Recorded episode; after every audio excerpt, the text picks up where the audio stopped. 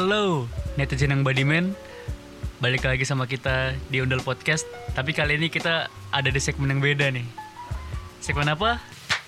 Tos Tempat obrolan. Seru. Di segmen ini kita bakal ngebahas tentang kreatif industri ya.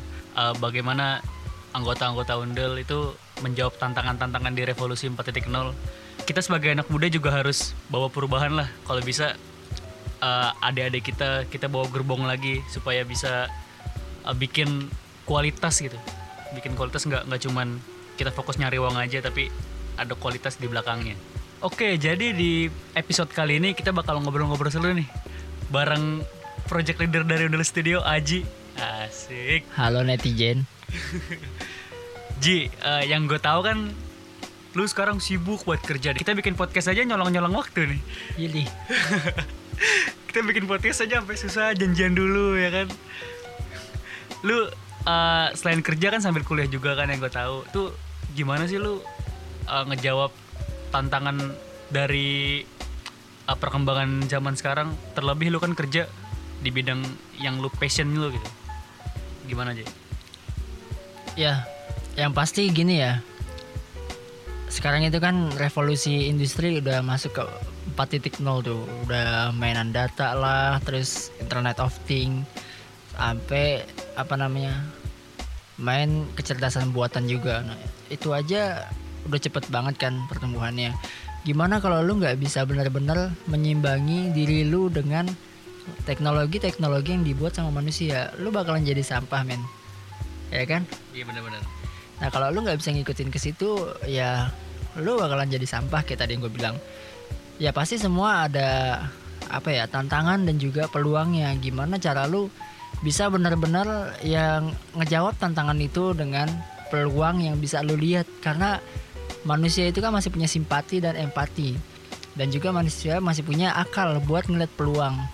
Nah itu sebenarnya nggak dipunyain sama Internet of Things, artificial intelligence. Nah itu artificial Oh iya, oke oke coba AI AI ya. Ya kan gitulah kurang lebih. Iya. Tadi kan lu bilang kalau kita nggak ngikutin perkembangan zaman sekarang kita bakal jadi sampah ya. Eh, berarti kalau dari kata-kata itu bisa kita simpulin kita harus terus belajar kan. Iyalah pasti itu nggak boleh putus gitu. Tapi tantangannya nih buat orang-orang kayak gue nih terutama yang baru-baru semester awal tuh rasanya mager banget itu. Jadi jadi kaum berbahan gue. Gue sendiri jadi kaum berbahan gitu. Sebenarnya nanti kita bakalan ada ya satu segmen lagi nanti ya nanti kalian tunggu aja. Tapi gue punya satu teaser nih atau trailer ya. Ya sebenarnya banyak emang yang gue pun juga kadang masih jadi kaum kaum berbahan. Ya mungkin lu yang denger ini pernah ngeliat gue tahu-tahu mojok di belakang rebahan gitu kan. Nah sebenarnya balik lagi ke pertanyaan lain tentang tantangan nih. Dengan percepatan ini tantangannya itu masuk ya ada lagi, ada lagi, ada terus, ada lagi, ada terus dan dia nggak bakalan berhenti gitu. Kalau lu cuma stuck di situ aja, ya mau sampai kapan? Lu nggak bakalan bisa dapetin apa-apa gitu. Toh sekarang kerjaan yang paling sepele aja itu udah masuk ke mainan teknologi apa yang paling sepele menurut lu? Kayak contoh pasukan orange, kan Pasukan sepele Orange. banget tuh. Dia kan ya mungkin kalau kita mikir nggak usah pakai teknologi juga bisa kali ya kan. Malah kalau ada teknologi bisa bikin dia jadi nganggur. Tapi nyatanya apa? Mereka itu kerja juga pakai teknologi. Teknologinya apa dia? Dia foto terus dikasih ke atasannya dia. Itu kan bentuk kinerja dari IoT juga nanti. Eh malah gue pernah ngeliat loh. Jadi ada ada satu eh, seorang anak muda gitu. Dia nggak entah tim atau dia sendiri ngerjain. Dia punya project itu ngebersihin samudra men. Set. Lu iya itu gue itu kan lu bilang tadi kan pasukan oren ya. Gue jadi mikir kan dia kan pasti bersihin eh, benahin air, bersihin jalan segala macem. Nah, gue ngeliat videonya dia itu pernah dibawa ke Indonesia juga. Oh, yang waktu di Bali itu ya kalau nggak salah. Pokoknya gue nggak tahu lah dia pokoknya ke kali bawa alatnya tuh kayak perahu gitu. Jadi tuh dia jalan sampah-sampahnya naik ke situ. Sampah aja bisa joinan sama itu kan. Nah, lu jadi manusia nggak bisa join sama perubahan gimana coba tuh? itu itu pekerjaan yang uh, untuk pasukan oren aja uh, udah ada teknologi yang mutakhir gitu kayak gitu. Ada solusinya supaya bersilah gitu. Ya itu yang tadi gue bilang ya. Balik lagi semua itu kan ada konsekuensinya. Ya. Tadi kan lu juga udah bilang apa namanya sampah aja bisa ngikutin perahu. Masa kita manusia yang punya akal punya simpati punya empati nggak mau ngikutin perubahan? Kan kalau kita ibaratin nih sampah tadi ngikutin perubahan yang dibawa sama kapal. Masa kita sebagai orang yang sehat dan orang yang baik akalnya nggak mau mengikuti perubahan. Kalau misalnya kita nggak ngikut perubahan siapa yang mau merubah itu menjadi sebuah kebaikan kan gitu ya Wah, kuat banget, kuat. Iya bener-bener. Kan gue tadi bilang di awal ya Kita sebagai anak muda juga harus bawa gerbong-gerbong yang baru ke belakang. Menurut lu gimana sih cara-cara buat biar biar penerus-penerus kita nih jangan penerus lah ya pak teman-teman kita gitu biar biar teman kita bisa uh, ngikutin kita gitu? Sebenarnya sederhana ya. Balik lagi nih sama diri kita. Sekarang gini, eh, apa namanya? Kita pernah nggak sih kepikiran? Pasti kita pernah kepikiran sih. Gua gua nggak usah bi, gak usah nanya lagi. Ini pasti kita pernah kepikiran. Lu pernah nggak ngerasa lu tuh dimanfaatin sama orang? pernah sih Dan bahkan ketika misalkan nih, gua minjem duit sama lu, terus gua nggak ganti-ganti, lu tuh kayak ngerasa dimanfaatin ya gak sih? iya pasti Padahal kalau kita mikir secara mendalam gitu, sebenarnya kan kalau kita tahu sebaik-baiknya manusia kan yang bermanfaat bagi orang lain gitu. ya betul Nah, kenapa lu masih takut buat dimanfaatin sama orang lain? Kenapa lu nggak ngasih manfaat buat orang-orang lain ya kan? Ya, sebenarnya gitu sih kalau untuk gimana caranya kita bisa bikin generasi kita lebih bagus lah ya. Ya udah kita tanamin diri kita aja buat bermanfaat bagi mereka gitu. Ya, mereka tuh permintaannya sederhana kok. Mereka cuma pengen ayo dong ajak gua gitu ya kan? Iya bener-bener. Eh, berarti balik lagi ya tentang apa? eh, gimana cara kita memperlakukan orang lain. Kalau kita manfaatin temen, ini manfaatinnya bukan yang aneh nih, misalkan eh, dia punya bakat apa, kita minta bantuan, kan termasuk pemanfaatan bukan? Iya benar. Mak- Terus juga lu bisa ngarahin dia untuk dapat apa yang dia mau ya kan kan gitu. Bagus tuh kayak gitu. Tapi balik lagi ya kayak pertanyaan lu di awal yang di revolusi 4.0 ini. Nah sebenarnya gue punya tips juga sih buat gimana cara kita menjawab tantangan dan gimana cara kita melihat peluang. Nah kan kalau misalkan kita lihat nih apa-apa sekarang serba teknologi, apa-apa serba teknologi bahkan lu mau terkenal aja udah gampang sekarang tuh ya lu jadi orang gila terus lu upload ke YouTube terkenal lu jamin gua. Foto viral. ya kan? Kalau orang dulu mau terkenal masuk TV dulu. Kalau muat ya. TV di TV TV TV tetangga lagi kan bete banget tuh nah sebenarnya banyak tantangannya emang. Kayak misalkan kita harus melek akan perubahan terus kita harus mau nggak mau kita harus bisa nih nerima info semua informasi yang masuk dan kita sharing.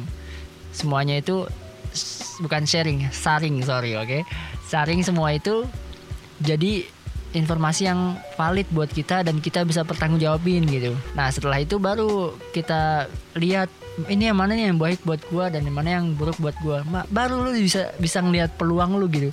Misalkan lu jago nih main bola, gua sih nggak pernah apa matokin ya lu harus jago ini harus jago itu apalagi kan orang sekarang kan udah nggak mau apa-apa serba eksak atau apa-apa ya lu harus gini harus gini. Nggak gue sih nggak pernah kayak gitu. Bahkan even gue ngajar dulu waktu di sekolah wah gue tanya murid-murid gue ya. Gue bilang gini saya nggak pernah membatasi kalian buat nyari kesuksesan kalian karena saya paham kalian semua bisa sukses dengan cara sendiri. Tapi saya minta satu kalian harus berkarya siap gak nah mereka harus harus berkarya gitu kan nah barulah mereka jawab siap. Nah akhirnya gue minta tuh mana nih? Katanya siap. Nah itulah cara gue buat motivasi orang buat jawab nih tantangannya. Oh ternyata kita harus benar-benar update. Pak even gue suka bola atau teman gue suka uh, fashion nah mereka harus update tentang itu ya kan? Iya betul. ya enggak kalau lu nggak update tentang itu kapan lu mau maju kan gitu Karena kalau ngomongin serba cepat ya, eh, di dunia teknologi pun setiap hari banyak yang berubah gitu. Setiap hari pasti ada yang update. Kalau kita nggak nggak eh, sering-sering update skill, nggak pelajaran hal baru, nggak baca-baca berita, itu bakal ketinggalan banget sih. Nah, di situ sebenarnya juga termasuk ada peluang juga buat kita sebenarnya. Apalagi kita-kita nih yang muda yang masih punya banyak waktu buat belajar. Gua aja ya walaupun gua kerja terus skripsi gua belum kelar-kelar ya ampun bantuin dong. Ataupun gua juga yang lagi ribet masalah undul studio ini ya kan? Ya mau gak mau gua harus luangin waktu walaupun cuma 10 menit atau satu menit lah minimal. Itu gua dapetin informasi baru yang bisa gua pelajarin gitu. Gitu sebenarnya sih itu peluangnya. Nah terus peluangnya lagi kalau lu bisa belajar itu lu tuh bisa dapetin satu hal yang emang lu suka dan lu apalagi lu istiqomah di situ lu perjuangin dah pokoknya mati-matian di situ lu bakalan bisa dapat itu Karena pada dasarnya eh, gimana cara kita ngeliat peluang, kita punya ide, tapi cuman kita simpen aja. Tapi gimana caranya nih orang punya ide, ngelihat peluangnya, dia masukin di situ. Maksudnya actionnya lah gitu. ya karena lu kalau cuma berencana doang ya elah siapa sih yang nggak bisa Iya. gitu kan gue suka punya quotes kayak gini. Lu hidup tanpa mimpi kayak taman tanpa bunga hampa. Tapi lu hidup terlalu banyak mimpi tanpa ada bukti kayak bunga di lukisan semata. Ya udah cuma bisa dinikmatin rupanya tapi nggak bisa lu pegang wujudnya. Nggak bisa dirasain nih. iya. Sakit men kalau nggak bisa ngerasain Jadi eh, sebenarnya tuh kita anak muda harus nggak sih nyiptain inovasi gitu. wajib pakai banget lu nggak punya apa-apa lu nggak punya karya ya hampa hidup lu Wah itu quotes dari Pak Bos kita ini.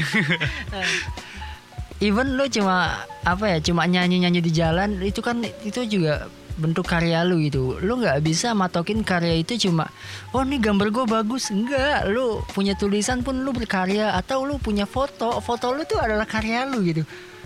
Lu tuh kalau lu ngapa-ngapain lu pasti berkarya sebenarnya. Lu jangan mempersempit apa namanya definisi karya ya kan? Gue yakin kalau lu bisa berkarya lu bakalan bisa dapat peluang untuk sukses. Itu sih. Karena karya itu gini ya, eh, gambaran singkatnya ada kertas kosong, kita gambar. Itu karya bukan? Ya itu karya. Bahkan lu napas pun itu karya menurut gua. Kok bisa? Ya iya karya dari Tuhan. Lu kalau lu nggak napas lu mati ya kan. Oh iya. Nah itu kan artinya Tuhan memiliki karya yang tanpa batas. Kenapa kita nggak coba untuk berkarya? Tapi kita nggak buat menyaingi Tuhan ya. Oh pasti. Sorry nih Ji, gue agak keluar dari topik ya. Sebenarnya gimana sih menurut lu uh, sebagai seorang pekerja, sebagai mahasiswa, gimana menurut lu ngelihat sifat-sifat anak muda, sifat-sifat orang Indonesia yang cuman jadi konsumen, bukan produsen? Ya mungkin gue jawab pakai sisi idealis gue nih ya. Sekarang gini, lu selalu menggaungkan, ayo Indonesia harus maju, Indonesia harus gini harus gitu. Tapi lu tetap menjadi seorang konsumen. Mau sampai kapan lu cuma ngomong doang? Kayak tadi yang gue bilang. Hidup emang perlu mimpi, tapi kalau mimpi lu cuma jadi mimpi, mau sampai kapan lu terus-terusan mimpi gitu kan?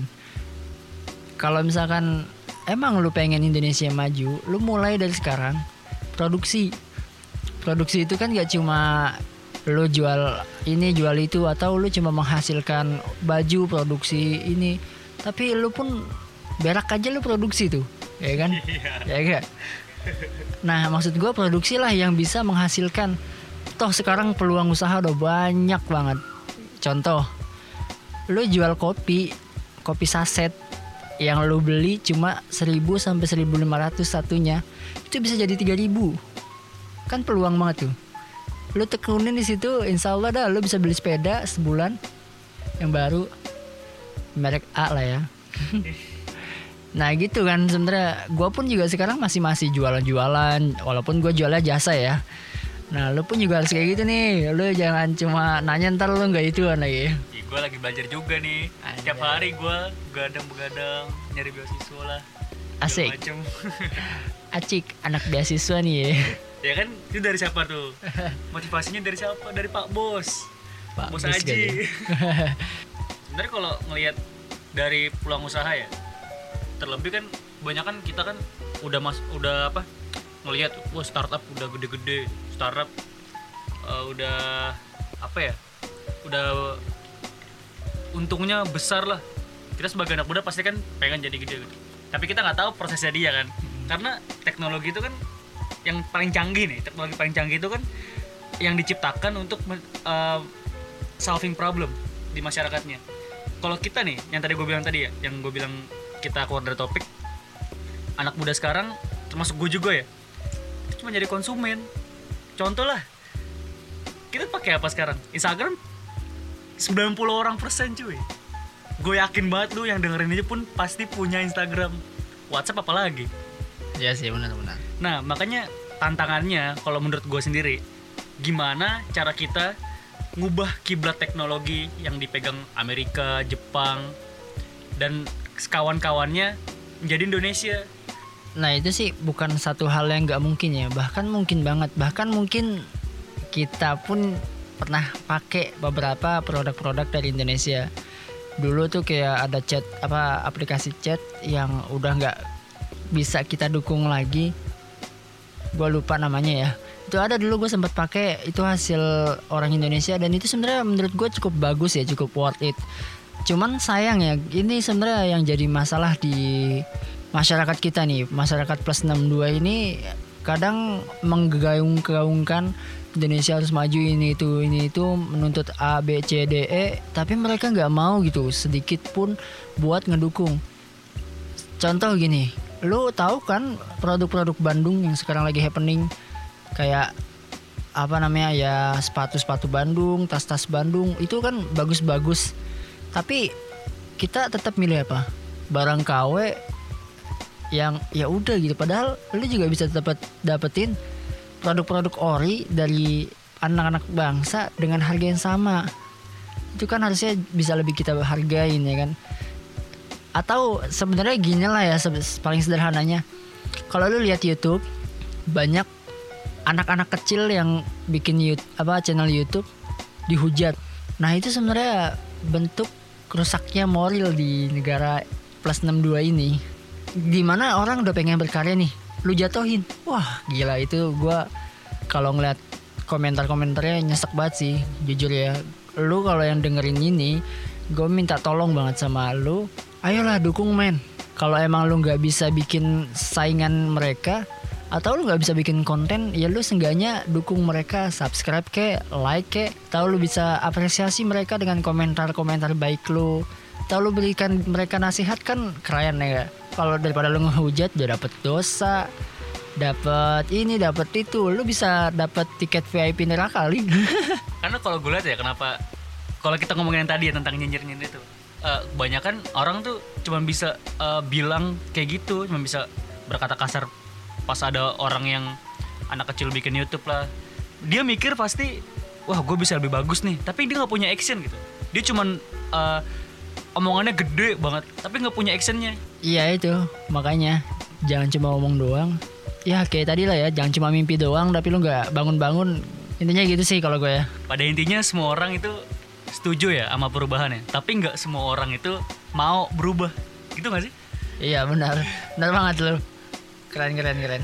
Jadi kalau gue bisa simpulin ya, kita itu harus tetap up to date dengan segala informasi yang masuk. Kita saring informasinya supaya nggak kemakan hoax. Baru kita bisa uh, berekspresi gitu dengan segala informasi yang kita dapat. Setelah itu kita baru mulai lakukan lah mimpi-mimpi kita. Jangan cuma dipikirin aja mimpinya, tapi harus di dijalanin gitu. Apa apa yang kita mimpikan, kita harus tahu proses-proses gimana cara kita dapetin mimpi itu agar bermanfaat juga buat orang lain. Kalau kita bisa uh, jalan mimpi kita, apalagi kita bisa buka peluang kerja, peluang usaha untuk orang lain, pasti bakal bermanfaat banget buat orang lain. Setelah informasinya kita saring, kita berekspresi, kita jalanin action-actionnya untuk mengejar mimpi, baru gua rasa itu bisa uh, bikin Indonesia memproduksi, bukan cuma konsumennya. Oke, ini makasih banget nih Ji. Udah udah mau sharing-sharing lagi ya kan di tengah kesibukan-kesibukan skripsi dan kerja. ya untuk kalian eh, ditunggu lagi ya podcast podcast kita selanjutnya. Kita emang ada berapa segmen sih nanti? Kita ada empat, tapi yang baru jalanin dua dulu nih. Kita baru ngejalanin satu sekarang. Nanti bakal di di follow up lah yang lain-lainnya. Oke, nya seru banget ya. Itu kalau gue boleh tahu kita bakalan ngebahas tentang apa aja tuh. Yang pasti kan kalau tadi kan kita ngebahas tentang dunia kreatif lah atau industri lah ya. Terus ada apa lagi sih? Iya, selain kita ngebahas tentang kreatif industri ya atau nama segmennya tuh TOS. Tempat obrolan seru. Lalu juga Yang sekarang tuh ya. Iya, itu yang sekarang. Lalu juga ada ada uh, sudut pandang. Oh itu sudut pandang nanti namanya beda lagi tuh. Uh, pasti, tunggu aja lah itu mah. Sudut pandang maksudnya gimana sih? Jadi maksudnya kita itu uh, ngebahas yang lagi trending gitu. Tetap tapi dari dari empat sisi nih, pasti bakal munculin pro kontra lah di antara itu. Oh iya ya mantap juga ya. Jadi kayak mini mini ELC gitu lah ya. Ya gitulah pokoknya kita berargumen di situ sesuai dengan uh, kapasitas masing-masing. Terus juga ada lifestyle sama uh, motivasi untuk kalian para kaum rebahan termasuk saya juga. Nah itu kalau di lifestyle kita bakalan ngobrolin apa tuh? Oh, kalau di lifestyle tuh uh, kita bakal ngomongin tentang kan lifestyle gaya hidup ya. Iya. Itu bakal ngomongin tentang ya keuangan lah. Cara pola hidup makan sehat ya. ya mungkin bisa kali ya. Terus tadi kan lu bilang ada motivasi ya. Itu motivasi motivasi kayak gimana tuh? Ya pasti untuk uh, kita lah, untuk lulu semua para para kaum rebahan untuk lebih melek lagi tentang kerasnya hidup. Asik. Kerat kerat keratnya pakai kol-kolah kerad. Dipakai D itu kan. Pokoknya lebih lebih ke situ lah. Ya tunggu aja ya guys. Seru banget nanti. Ya, tunggu aja. Eh, pantengin aja di Instagram kita pokoknya pas bakal di eh, umumin di sana juga. Oke, gue di sini Randy Fikransa sebagai moderator pamit undur diri. Dan gua Aji pamit juga. Sampai bertemu lagi di podcast-podcast kita selanjutnya. Bye bye.